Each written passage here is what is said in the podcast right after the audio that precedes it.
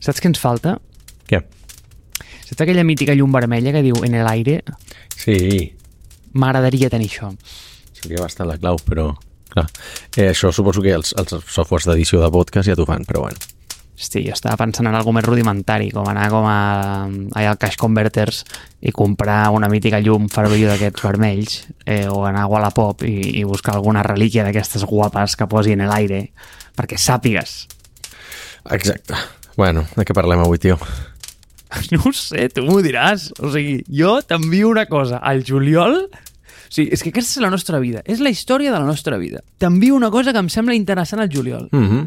I tu no li fots ni puto cas.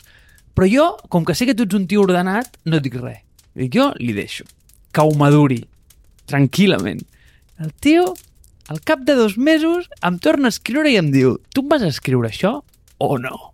I dic, home, doncs ara ja fa un temps. Igual no me'n recordo, però crec que sí. I la pregunta és, per què? Qui t'ha picat la curiositat ara d'això? Pues t'explico la història. O sigui, tu saps que jo sóc una persona de tenir 25 eh, pestanyes de navegador obertes eh, en moltes pantalles, no? Ah. Bueno, no, o sigui, al contrari, jo era una persona de tenir 60 o 80 pestanyes en una mateixa finestra de navegador. Què passa? Que aquest estiu, o per B, com que he hagut de treballar molt en la nova pàgina web de l'empresa, he hagut de fer migració i per tant havia de treballar amb dos pantalles i aleshores d'aquí volta tenia dos, dos, dos finestres de navegador amb múltiples pestanyes, no?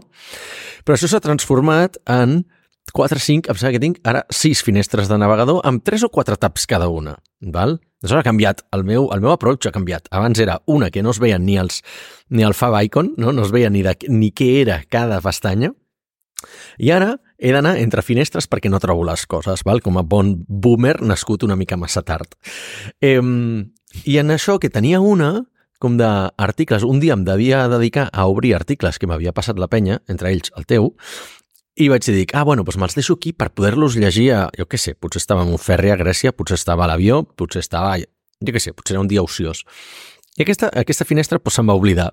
O per B no me'ls vaig llegir i es va quedar allà. I per sorpresa meva, allà hi havia un d'aquests articles, i era el que m'havies passat tu, no?, del, del Vitàlic, que precisament era el més llarg de tots, el més dens i farragós de tots, i però sorprenent, o no gaire sorprenentment, el més interessant. Val? I vaig començar a llegir i vaig dir, uf, molta, molta cosa. el llegiré un dia que em posi a llegir, o sigui, em posi a dedicar-li tota l'atenció. I això no va passar fins abans d'ahir, em sembla que va ser, val? que vaig, vaig tornar a trobar l'article i vaig dir, bueno, va, avui és el dia, avui m'enfrento a això, m'enfrento a aquest tostón infumable de verificació d'identitat, de, de WorldCoin, de, de, bueno, de, totes, de tota la tecnologia, els biaixos, els problemes que, que pot portar d'escalabilitat, d'accessibilitat, d'usabilitat, de privadesa, etc etc. He de dir que estava molt bé l'article, però per això no havia llegit fins ara, perquè és, o sigui, si jo ja no em preparo res per un episodi normal, tu imagina quan em passes un, un article tan dens com aquell, amb diagrames i fórmules matemàtiques que no entenc. Tu ja saps que jo només et passo coses interessants, evidentment, perquè passen el filtre del Marc abans d'arribar a l'Àlex, que és molt alt, i la segona pregunta que tinc és què he de fer per jo poder passar el filtre de l'Àlex i entrar a la una de les teves finestres del teu navegador? És que va alternant, no és que hi hagi una principal Mm, i les altres són secundàries. O sigui, ara m'estic descobrint en aquesta manera de treballar que realment és pèssima, perquè, clar, de vegades també faig algun backup, si tinc una, un, un plugin per fer backup de totes les pestanyes, que va molt bé, perquè de vegades dius, hòstia, l'ordinador està patadíssim o he de fer una cosa molt important i tinc molt poca molt poc ample, ample de banda en la cafeteria, dius, va, tanco totes les pestanyes, però no vols perdre-ho, per tant, faig un backup. Quan tornes a obrir el backup, t'obre tot. Aleshores, tot el que no havies tancat se't queda duplicat. I aleshores, de cop i volta em trobo de vegades amb finestres senceres duplicades, pestanya per pestanya. No tinc, o sigui, crec que estaria bé que tinguessis com una finestra principal que tu la poguessis marcar. La principal és aquesta, la resta són totes secundàries. Però mentre això no passi, doncs crec que hauria de tornar a una tàctica que vaig fer servir durant bastant temps, però vaig deixar de fer servir, que era la de, al final del dia, tancar totes les pestanyes. Val? O sigui, tenia moltes, però les agendava com a tasques. Vale, aquesta per demà, aquesta per demà passat, perquè deixo excels de coses que dius, bueno, això ho he de fer en algun moment, ho tinc aquí, saps? Però en realitat de vegades et passen coses importants, i ho admeto. Se'n passen moltes coses importants i un dels meus mm, majors superpoders és el de decebre la gent. Per tant, eh, hauria de tornar a la tàctica aquesta de dir, ostres, mira, amb aquest Excel no ho he fet avui, doncs ho agendo per demà, saps? O ho agendo per demà passat, o per la setmana que ve, el que sigui, però de tancar la pestanya, saps? O fas la tasca en aquell moment. Després d'aquesta masterclass de, poso cometes, eh, productivitat, perquè fill meu... No, no seria un exemple de productivitat. No, no. És jugar com els malabars amb les pestanyes, perquè saps què em recorda? Em recorda el pare del Ramon amb lo dels Sí, currículums de la gent de l'autoescola, jo amb les pestanyes faria el mateix. Mira, si al final del dia n'hi ha 30 que no les has vist, doncs escolta, tu, 15 se'n van fora, perquè tu vols una pestanya amb sort, no? és una, és una mica així. O sigui, d'alguna manera penso que eh, deixo obertes potser només les tasques que en realitat em fa il·lusió fer i que estan allà, però deixo que també morin de manera natural aquelles que estan i que de cop i volta me les trobaré un dia i diré ah, això ja ha passat, fantàstic, i mira, tens aquella mena de mínima satisfacció en el moment que l'obres, com dius, vaig a fer la tasca, la deixes allà, saps que has estat... no has estat treballant, però l'has tingut conscient, veus que ningú més te l'ha reclamat mai més, val? perquè aquesta és una altra, i algun dia parlarem de, de, de la importància de les tasques que eh, no es demanen dos cops, val? que són aquelles tasques que no s'haurien de fer mai, perquè si és important, tu t'ho recordaran. Doncs com que no t'ho recorda ningú, ha passat, ostres, aquesta tasca era per, pel juny, no s'ha fet, ningú l'ha reclamat, no ha passat, no, no hi ha hagut cap tipus de conseqüència, per tant, doble satisfacció. No només no he treballat en ella, sinó que a sobre l'he completat. Espero que ningú escolti el que vaig a dir ara perquè és un dels meus superpoders, ¿vale? Crec que la millor manera de completar una tasca és obviar-la. Sé que això ho havia comentat en un anterior, eh? Sí, això ja ho vas dir. Però vull posar èmfasis especial en aquesta tàctica de productivitat, perquè crec que és el millor que et pot passar. És a dir, a tu t'arriben coses perquè la gent reparteix merda com si fos un ventilador. Diu, expulsa tasques per fer, per crear com aquesta falsa il·lusió de moviment. Si tu, en canvi, jugues això en el teu favor, has de pensar què passa. Aquesta persona ha emès 300 tasques, de les quals 299 les ha oblidat, perquè només n'hi havia una d'important. Llavors, com que les possibilitats són que la meva estigui dintre les 299, el millor és obviar-la i si me la reclama, entendré que aquella era la important i llavors l'hauré de fer. Però en el cas 299 no cal que et preocupis. Exacte. Dit això, si vols, després de 10 minuts de petita introducció de no productivitat, podem dir de què parlem? Anem al, doncs anem a la- a l'article aquest, no? Uh, l'article, si no recordo malament, escrit per Vitalik Buterin, altrament conegut com el fundador d'Ethereum, escrivia sobre la... Eh, recordo que era... Com es traduiria... Eh, com era? Proof of personhood, no? O sigui, és com una, com una prova d'identitat personal. És a dir, era una reflexió sobre WorldCoin, el projecte aquest eh, cofundat per Sam Altman, entre altres coses, Y Combinator, ara OpenAI, vull dir, moltes altres històries, que s'ha fet més o menys famós per fer servir una tàctica bastant fastigosa, que era la de eh, donar-li pasta a la penya per escanejar-lo- eh, escanejar les retines en centres comercials, oferint més aviat poca informació al respecte de què s'estava fent o per què es faria servir aquesta... O oferint una informació tan complexa que la gent de peu, diguem, doncs no, no podia entendre. Si vols, Àlex, crec que és interessant, abans d'entrar a l'article, explicar una mica què és això de WorldCoin. Vinga, Perquè jo crec que vas pel carrer, ho menciones i no hi ha com molt coneixement sobre què és això. Jo, de fet, no sabia si m'havies enviat de nou aquest article perquè sabies que a mi les coses distòpiques mm, i que sembla que el món eh, es va acabar demà m'agraden i desperten la meva curiositat. Aquesta és clarament una d'elles, és a dir, és d'aquelles merdes que t'expliquen fa 20 anys i dius que ens hem tornat tots normals. Anem, anem per passos. Eh, què és això de WorldCoin? Aquesta història comença, com tu has dit, amb el nostre amic Sam Altman, que està ficat amb totes les mogudes d'intel·ligència artificial d'aquest planeta, on bàsicament la tesis és la següent. La intel·ligència artificial seguirà millorant i eventualment es tornarà com amb una intel·ligència general que serà més avançada que nosaltres, vale? per tant serà com superior a nosaltres.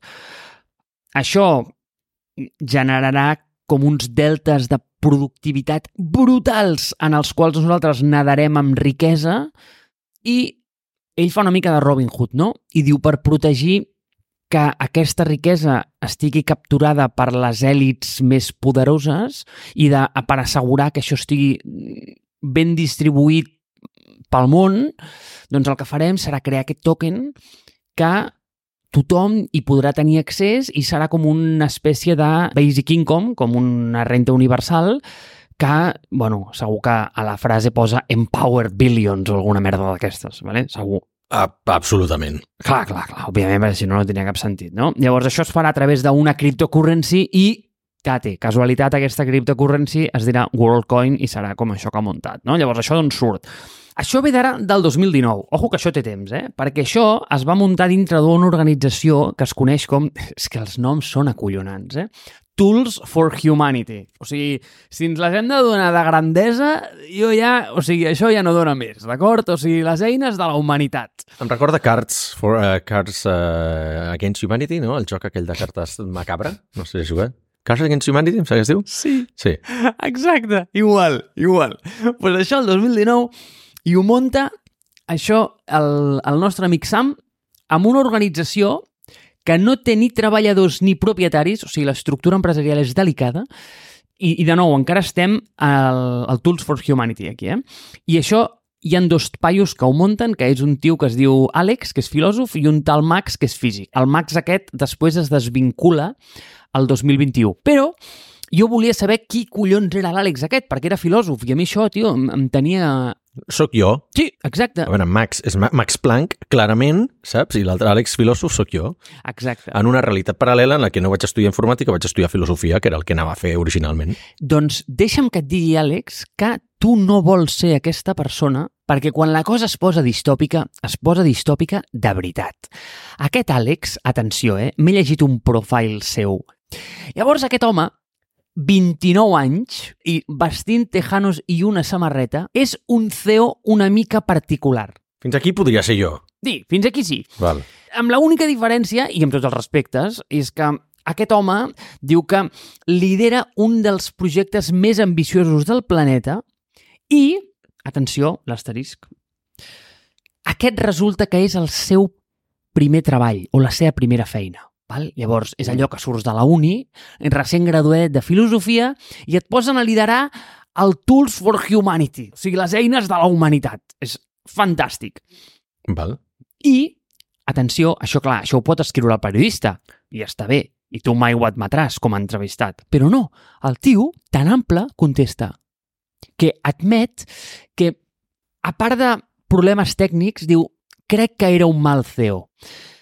Llavors, a veure, ja quan tu admets això, és que no és que siguis dolent, és que literalment no qualifiques per això. Llavors, bueno, diu que això li van enmandar una mica, li van arreglar la situació perquè li van posar un parell d'advisors i gent que eh, el mentorava. És com la mítica història de xaval que no saps què fer amb ell i dius, vera, xato, parla amb aquest, a veure si, a veure si t'adreça una mica, no? En fi, o sigui, ja veus que el projecte neix una mica, mm, una mica tort, ja. Sempre hi ha un hijo de papà involucrat en totes aquestes startups, saps? Vull dir... Absolutament. O sigui, i mira si neix tort, que o sigui, aquí van com quatre dades, eh? Dada número 1. Ja aquí ens el venen com per salvar-nos de l'eina que ells mateixos han creat. És molt interessant aquest concepte, eh? O sigui, Sí, com el capitalisme. sí, exacte. O sigui, Sam Altman, fundador de OpenAI, que va de la mà de ChatGPT, ens vol donar un producte que ens salvarà del propi ChatGPT. És molt interessant. Tu et crees l'enfermetat i després crees la medicina i vens la medicina. És interessantíssim. Després, saps qui va entrar a les sèries A? És interessantíssim, eh? De WorldCoin. A veure, tots els flipats de cripto segur que van entrar. O sigui, penya de Coinbase, eh, penya de Kraken, penya de... Saps? Vull dir, tots aquests van entrar. Peter Thiel, segurament. Vale? Però estira una mica més del fil i aquí et trobes. Sempre és el mateix. Espera, espera, espera. En, en quin sentit? O sigui, que és emprenedor inversor conegut o N'hem parlat al podcast. n'hem parlat al podcast? Elon Musk. Més controvertit. més controvertit que, que Elon Musk i Pe- que Peter Thiel només podria ser Adolf Hitler, però no viu, per tant no crec que hagi invertit. Està a cavall, eh? Està entre un i l'altre, eh? Ah, hòstia, espera, espera, que ara no hi caic, tio. Eh, no ho sé, tio, de qui estem parlant? Comparteix nom amb Sam Altman, Sam... Hòstia, tio, no hi caic ara. Sam... Amb què? Backman Freak, no? Ah, hòstia, hombre, el de... Sí, sí, sí. Com es deia l'empresa, tio? FTX o alguna així, sí? Eh, Sí, senyor. pues a les sèries A, nano. A les sèries A ja estava allà. Llavors, home, tu dius, bueno, el WorldCoin i Tools for Humanity, pues combinadament han aixecat 360 melons en capital risc i qui hi ha darrere? Home, doncs els mateixos, no? Sequoia, Anderson Horowitz, llavors, bueno, ja, em fa molta gràcia com aquesta idea de evangelisme mundial, és a dir, anem a crear organitzacions per salvar el món i poso com a líder un CEO que és la seva primera feina i poso a darrere els inversors que simplement tenen un impacte en un raconet del món que es diu Silicon Valley. O sigui, em sembla com espectacular.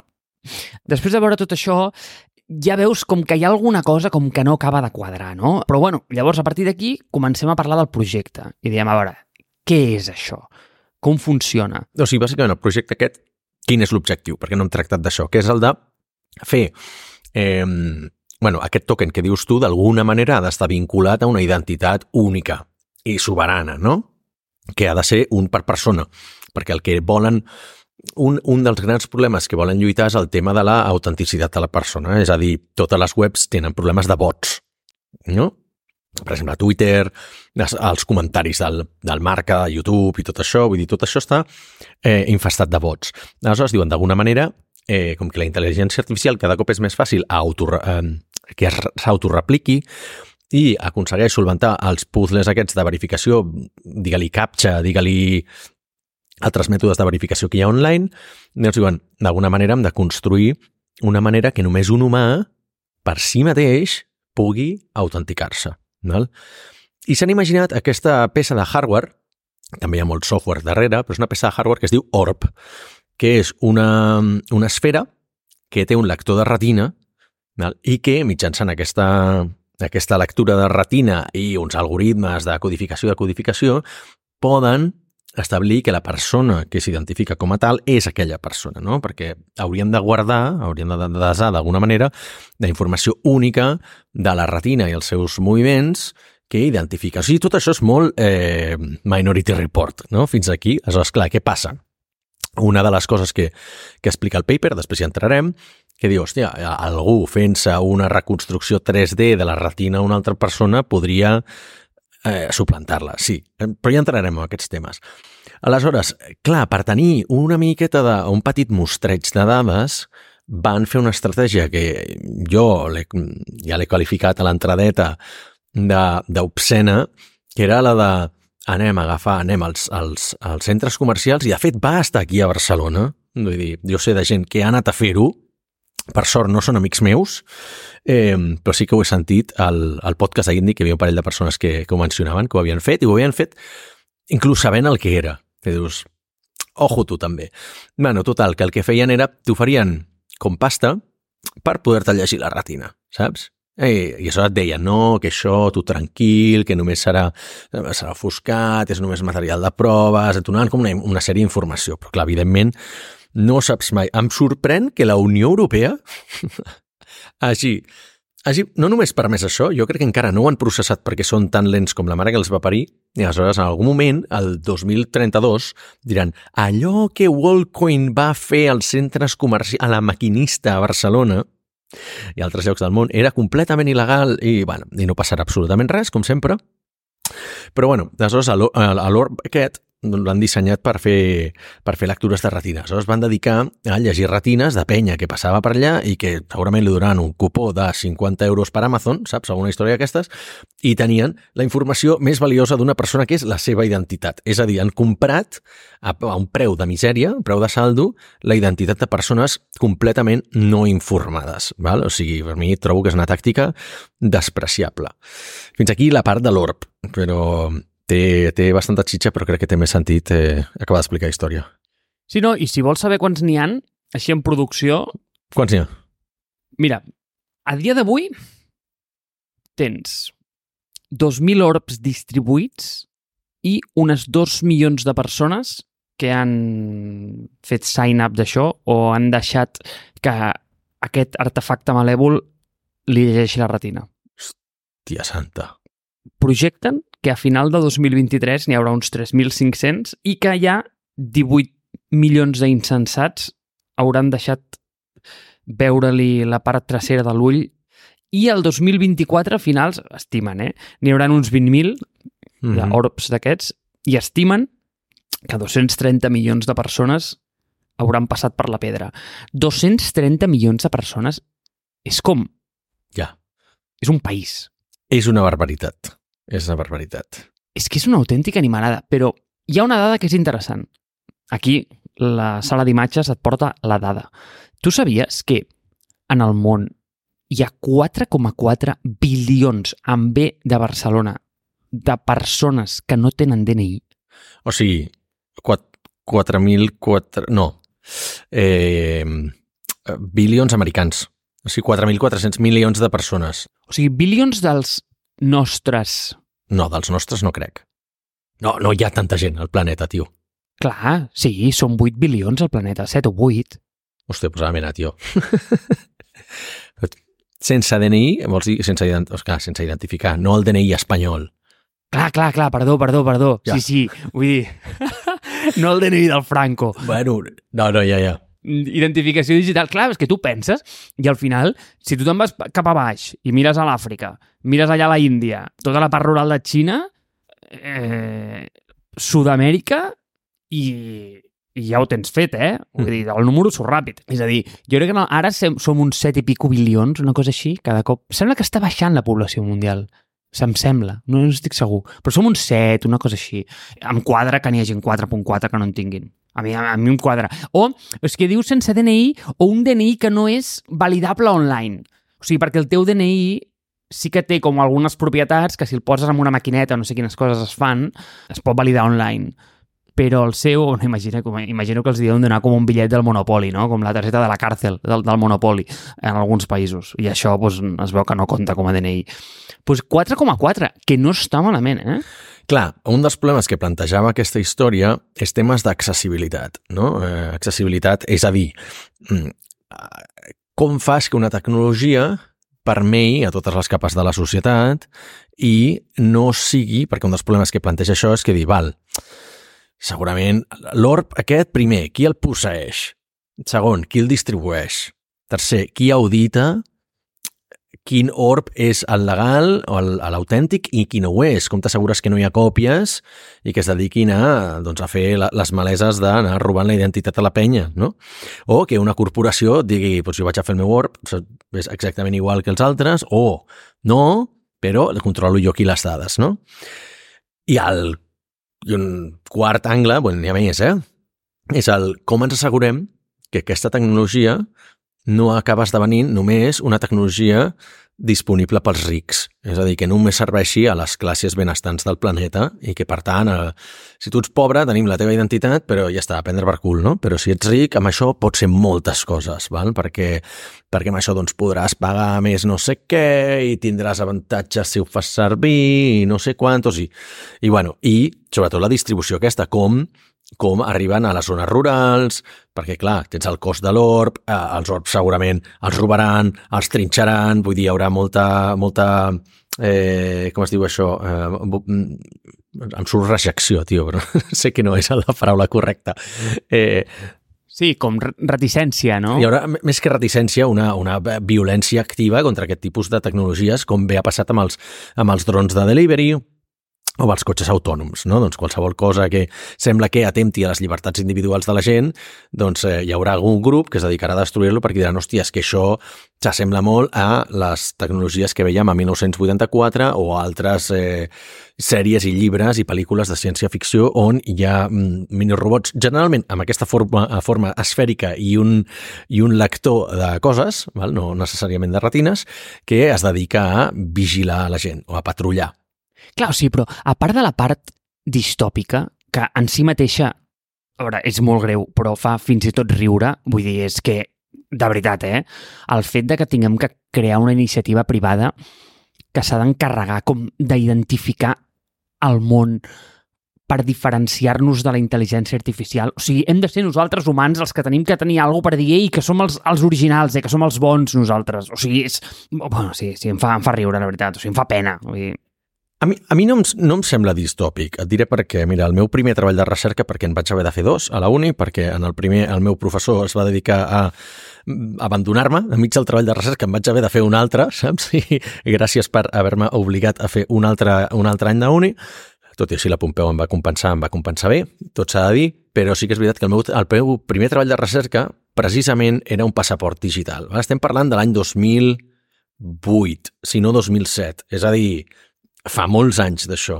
Si el món encara no està preparat per aquesta tecnologia, doncs evidentment vaig fer la típica cosa de massa aviat. Però sí que vaig teoritzar sobre algunes coses que, que, que eren interessants, no? perquè aleshores, clar, començaven a sortir al social media. És una miqueta un preàmbul una mica llarg, però vull que vegis a on arribava, val? i per què crec que té sentit tot el sentit del món aquesta tecnologia i realment és necessària i probablement serà l'únic cas d'ús on el blockchain tingui sentit més enllà de ser una puta base de dades sofisticada. Eh, què vaig fer? O sigui, jo vaig teoritzar um, que cada persona necessitava tenir un centre únic de, de veracitat de les seves dades. Per què? Perquè en el seu moment, i pensa que estem parlant de 2007-2008, eh, començava a sortir Facebook, no existia Twitter, hi havia Napster, hi havia Friendster, hi havia ICQ, hi havia altres xarxes socials que avui en dia no existeixen, però sí que és veritat que el concepte de xarxes socials començava a aparèixer. Val? Aleshores, jo deia, dic, hòstia, trobo que és bastant farragós que reparteixis la teva identitat per molts llocs, val? i en aquell moment ja existia, o, o no sé si existia ja, però devia estar a punt de sortir una, un software que tu coneixeràs que es deia Gravatar. No sé si et sona. Val? Gravatar el que et feia és que tu et creaves un compte, li posaves una imatge teva, i aleshores tots o la majoria de blogs del planeta, diguem, i certes pàgines web, estaven integrades amb Gravatar, con lo qual t'agafaven la imatge d'aquell repositori, vale? de la teva compte a Gravatar, en comptes d'haver d'anar tu a cada puta pàgina web i posar la teva informació, posar la teva foto. Gravatar ja intentava ser això, és un punt cèntric, central, de la, de, de la teva identitat. Jo vaig anar una miqueta més enllà, vaig dir que, hòstia, que això hauria existit per tot. És a dir, jo hauria de dir, quan em connecto a Facebook, agafa les meves dades de, eh, o sigui, la meva foto, la meva educació, el meu, eh, la meva localització, el meu, la meva feina, etc etc. agafa-m'ho del meu perfil, perquè jo sóc controlador de les meves dades, sóc posseïdor de les meves dades i aquí estaran millor i sempre estaran actualitzades perquè tu veus, tu no, perquè mm, segurament com jo fas bastanta auditoria dels llocs on estàs registrat, però la majoria de gent no. I aleshores tenen el seu perfil d'Infojobs obert quan fa 10 anys que no el fan servir, tenen la seva compte de Twitter abandonada, tenen una compte de Pinterest que van fer servir de prova i no l'han fet servir mai més, però les seves dades segueixen allà, etc etc. I tens moltes dades disperses per internet i moltes desactualitzades. De fet, i ara diré una, una bajanada, eh, perquè ho dic de memòria, però en el 2007 me'n recordo que de cada persona que no existia internet, hi havia 20 gigabytes d'informació sobre aquella persona en algun lloc d'internet. Això és persona sense presència digital. Val? Estàvem parlant de els nostres avis, els nostres pares, el 2007. Val? Per què? Pues perquè segurament el, els bancs o ells havien fet servir, jo que sé, alguna història i havien posat les seves dades, o algú ha posat les seves dades per ells, i aleshores això ja està circulant per internet, leaks d'algun d'algun Domino's Pizza, per dir alguna cosa, vull dir... Aleshores, Ah, I ara arribo al punt que, que anem a anar, eh? Primer tu tenies la sobirania de les teves dades, tenies l'autenticitat, la veracitat i les dades actualitzades. Però per mi el punt més interessant i el que em van dir ah, estàs flipat, això no funcionarà mai, i és el que m'agradaria que passés, és com el meu somni humit, que és el que deia que al final jo teoritzava que la gent, les empreses haurien de pagar per accedir a les teves dades. Tu tindries el teu dret de comercialitzar les teves dades. Val? És a dir, Facebook, realment vols, que, vols tenir accés a les meves dades? Doncs m'has de donar un X per cent, o sigui, m'has de donar, m'has de pagar, o sigui, les meves dades valen, encara que valguin poc, tu poses preu a les teves dades, o segurament, o les empreses haurien de fer bidding, això ja no, no me'n recordo com anava i no sé si vaig arribar tan profundament, però sí que trobava interessant que al final la privacitat, la privadesa de les dades és teva i tu decideixes què fer-ne amb elles. I potser és utilitarisme, però sí que estaria bé tenir el dret de poder-les comercialitzar, perquè al final totes les empreses fan benefici amb les teves dades i tu no en veus ni un puto duro d'això. Et diuen que no, et donem, el, et donem el software de manera gratis, si és que te'l donen gratis, i amb això ja hauries d'estar, no? Aleshores, WorldCoin crec que és interessant, tot aquest viatge per dir que és interessant, no crec que sigui la gent adequada, no crec que sigui la tecnologia adequada, eh, no sé si serà la manera correcta de fer-ho, però sí que d'alguna manera hem de tenir aquesta sobirania d'identitat. Eh, em sembla que el concepte, de fet, es diu sovereign identity, no? Sobira, eh, identitat soberana a internet, perquè eh, ja hi ha molta gent suplantant-nos. Més en l'era dels bots, els deepfakes, intel·ligència artificial generativa, etc etc. pot ser molt perillós. Però, indubtablement, si ens aboca a que tota aquesta informació haurà de residir en algun lloc i, per tant, sí o sí, s'acaba l'era de la anonim anonimicitat. Acabes d'obrir el parèntesis més interessant que s'ha obert mai a foc a terra. Explico. El tema de la identitat, tal i com tu la planteges, et dic jo que és una de les coses que més m'obsessiona des de fa molt temps. Poso el cas d'ús. L'agenda de contactes. Crec que és la peça de tecnologia més infravalorada que hi ha en aquest món. Quin problema té? Per mi té el problema que Gravatar solventa. Gravatar és una tecnologia de la qual jo en sóc usuari des del dia que va obrir i, de fet, no sé si t'has fixat, però RSS la fa servir... Em sona. Vale? Llavors... Cabron, segur que la vas picar tu, de fet. És un producte brillant. Perquè, d'alguna manera, et dona a tu control sobre el que la resta veu de tu i, sobretot, i més important, és que està actualitzat. Quin problema hi ha? A dia d'avui, quan una persona té un correu electrònic, les possibilitats que aquest correu electrònic sigui el mateix dintre de 20 anys són molt petites, per no dir nules.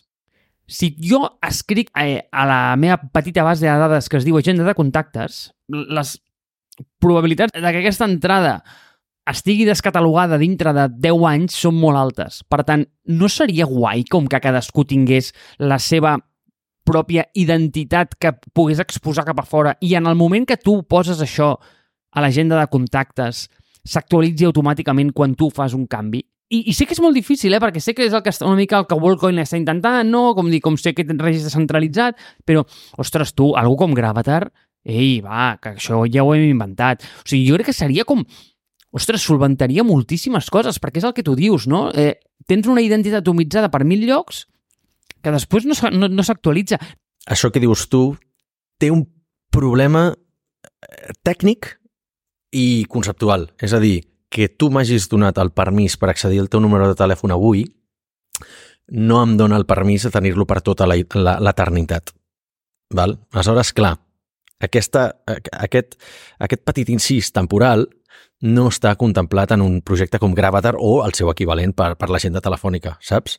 saps? Jo també he de tenir el dret a canviar el meu número de telèfon sense que tu no ho sàpigues, saps? Hauries de tenir com un token que expira de per quant de temps li vols donar el teu telèfon al Marc. Ja està. Però em sembla bé, em sembla bé. O també hi ha una cosa ben coneguda que es diu blacklist, que dius, mira, per aquesta gent no m'ho actualitzis més, perquè no vull que em fagin stalking o el que sigui. Ja, sí, sí. Pues una manera de solventar-ho seria aquesta, l'altra tokens que expiren, ja està. Sí, però és que a vegades també em sembla com que volem reinventar la roda amb mil coses. Per exemple, això, el tema del Worldcoin, vale? Hòstia, quina tecnologia, quina cosa més guapa, tal, no sé què... Vale, molt bé. L'objectiu final d'això és que tu treguis calés d'aquesta renta universal que en teoria ha de donar aquest token. No hem parlat de com funciona això. Això bàsicament funciona de la següent manera. Tu quan t'escaneges l'ull i deixes eh, o dones accés a les teves parts més íntimes de la retina, et toquen 25 World Tokens d'aquests. ¿vale? Els tokenòmics, que m'he llegit així una mica per sobre i en diagonal, diu que n'hi haurà 10 bilions, dels quals 80% se'n van per la gent i 20% se'n van per l'equip i per tota la màfia que hi ha darrere del token, que déu nhi Sí. Per tant, només hi han 8 bilions de tokens disponibles, si te'n toquen 25 cada vegada que t'escaneges l'iris, ja m'explicaràs com collons surten els números perquè tothom ho tingui. Vale? Jo és el primer que m'he preguntat, però si algú té la resposta a aquesta pregunta, si plau que me la dongui, perquè jo he fet el número ràpid i dic, a veure, si són 8 bilions aquí en el món i et toquen 25 world tokens d'aquests, resulta que aquí em falten 10 bilions de tokens així com per esmorzar, eh?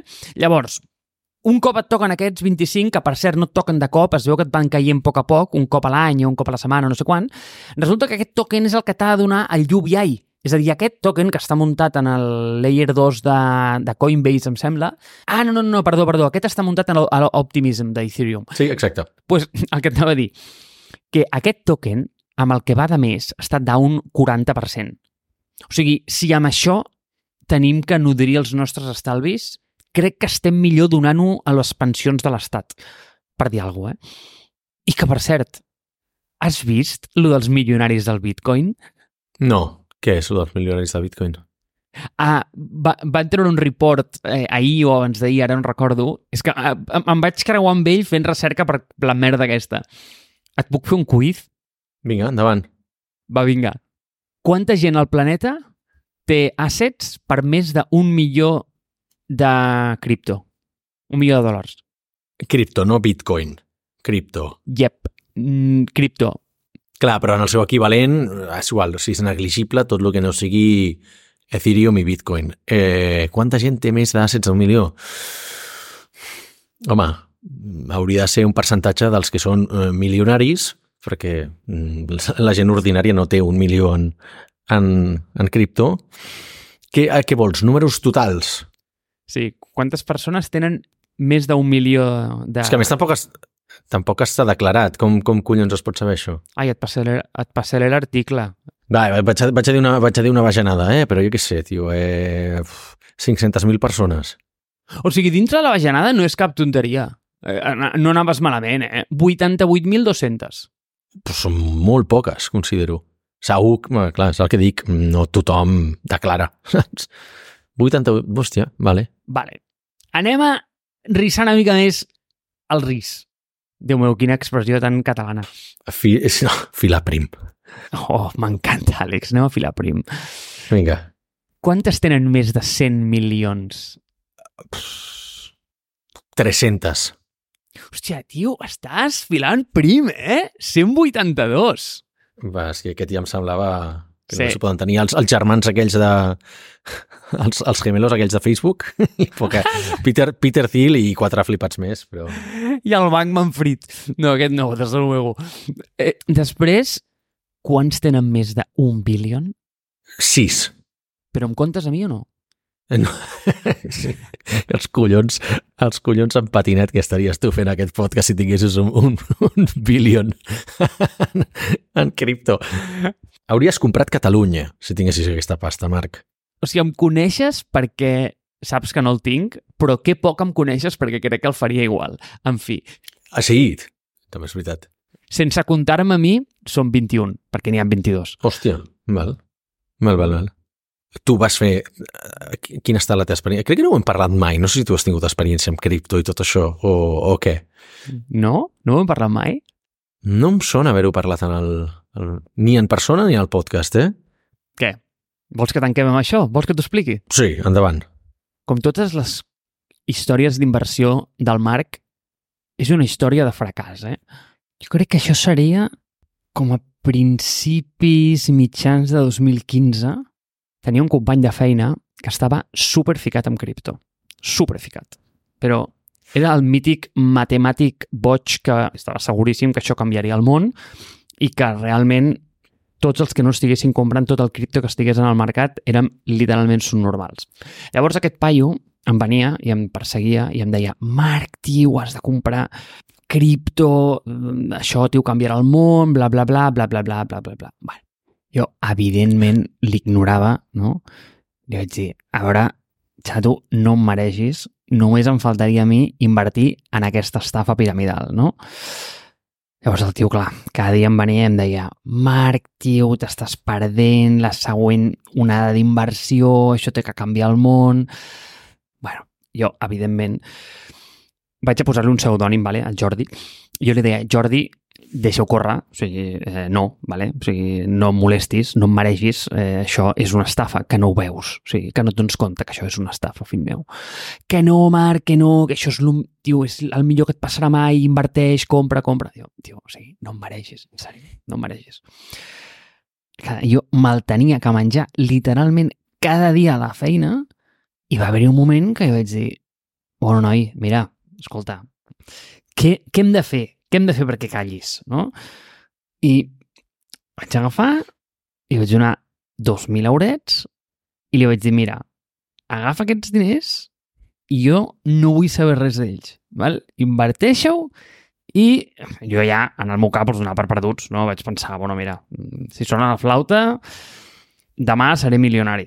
Si no sona, doncs mira, el pitjor que pot passar que és doncs, 2.000 euros que perdràs. Em sabrà greu, me'n sabrà molt, però bueno, mira, almenys hauré aconseguit no sentir-lo cada dia, que no sé si això ja per si mateix valia 2.000 euros, eh? Però aquesta és una mica la idea. A la uni tenies 2.000 euros per tirar, tio. No, això era do- 2015, eh? No era la uni. Ah, perdona, perdona, entès 2005. Oh, ja... No, no, 2015. Hòstia. 2015. Vale, vale, vale, vale. Hòstia, hòstia, hòstia. 2015. M'ha matat molt fora el cervell. Dic, que cabron, saps? No, no tenia dos... No, no. Vale, vale, 2015. Vale. Pues, ah, i el xaval em va comprar bitcoin a uns 210, 212 dòlars, una cosa així. Ai, ai, ai, ai, ai, ai. Llavors el tio em va donar una adreça amb un wallet, em va explicar com funcionava, tota la part criptogràfica, bla, bla, bla, molt bé. Llavors jo anava mirant, no? Llavors durant els primers mesos la cosa estava bastant flat, estava bastant planota. Però clar, al cap d'un, no ho sé, igual va ser al cap de 8 mesos, 9 mesos, ostres, allò nen va començar a pujar d'una manera que jo vaig comprar doncs, això doncs, a 200 poc, em sembla que tenia 8 eh, bitcoins, una cosa així, de l'època. Clar, és que ara ho penses i tenia 8 bitcoins, eh? Que és, és surreal, eh? Amb 2.000 euros. I, I clar, i allò va començar a pujar 300, 320, no? I, i jo, jo al principi deia, hòstia, tu, això, això com tira, això, nano, quina bona inversió, Marc, hosti, tu, eh, estic orgullós, nano, que una, una bona cosa, tu. Però, clar, el dia següent mirava i, i allò començava a pujar i 360, 370 i jo, hòstia, nen, nen, nen, això és la millor inversió que he fet mai a la meva vida, tu, acollonant. Però, però clar, va haver un moment que, que ja vaig veure que allò va rascar els 400, els estava passant i de cop jo vaig passar del modo això és la millor inversió de la teva vida a nen, això és una estafa piramidal. Això és un engany. I em vaig entrar en modo de pànic i li vaig dir, tu, això s'ha de vendre. Venem. El tio em deia, no, no venguis, que això the moon, saps? Això se'n val 100.000. I a veure, xato, relaxa't, saps? Vull dir, et compro que és bo, et compro que m'has donat una bona inversió, però the moon, no, vale? I llavors aquí, jo vaig dir, xato, fins aquí, i vaig vendre pensant que Bitcoin tocaria techo, doncs això, doncs els 400 eurets, no? I clar, mirat enrere va ser una bona venda, però clar, mirat endavant és un drama, no? Bueno, tio, 6.000 eurets, eh? Vull dir que, escolta, per, amb no res. Sí, Àlex. Sí, Àlex, sí. però, tio, jo sóc un català, jo no sé invertir. Em poso molt nerviós. o sigui, vull dir, imagina't, jo, esclar, després anava mirant i, clar, seguia pujant, seguia pujant, tio, 300, 400, ho vaig veure 1.000 pavos, eh, però clar, ara llavors a veure qui és... Jo ja dient, no, no, això és una estafa, això és una estafa, això és una estafa. A veure qui era el llest que tornava a comprar a 1.500, saps?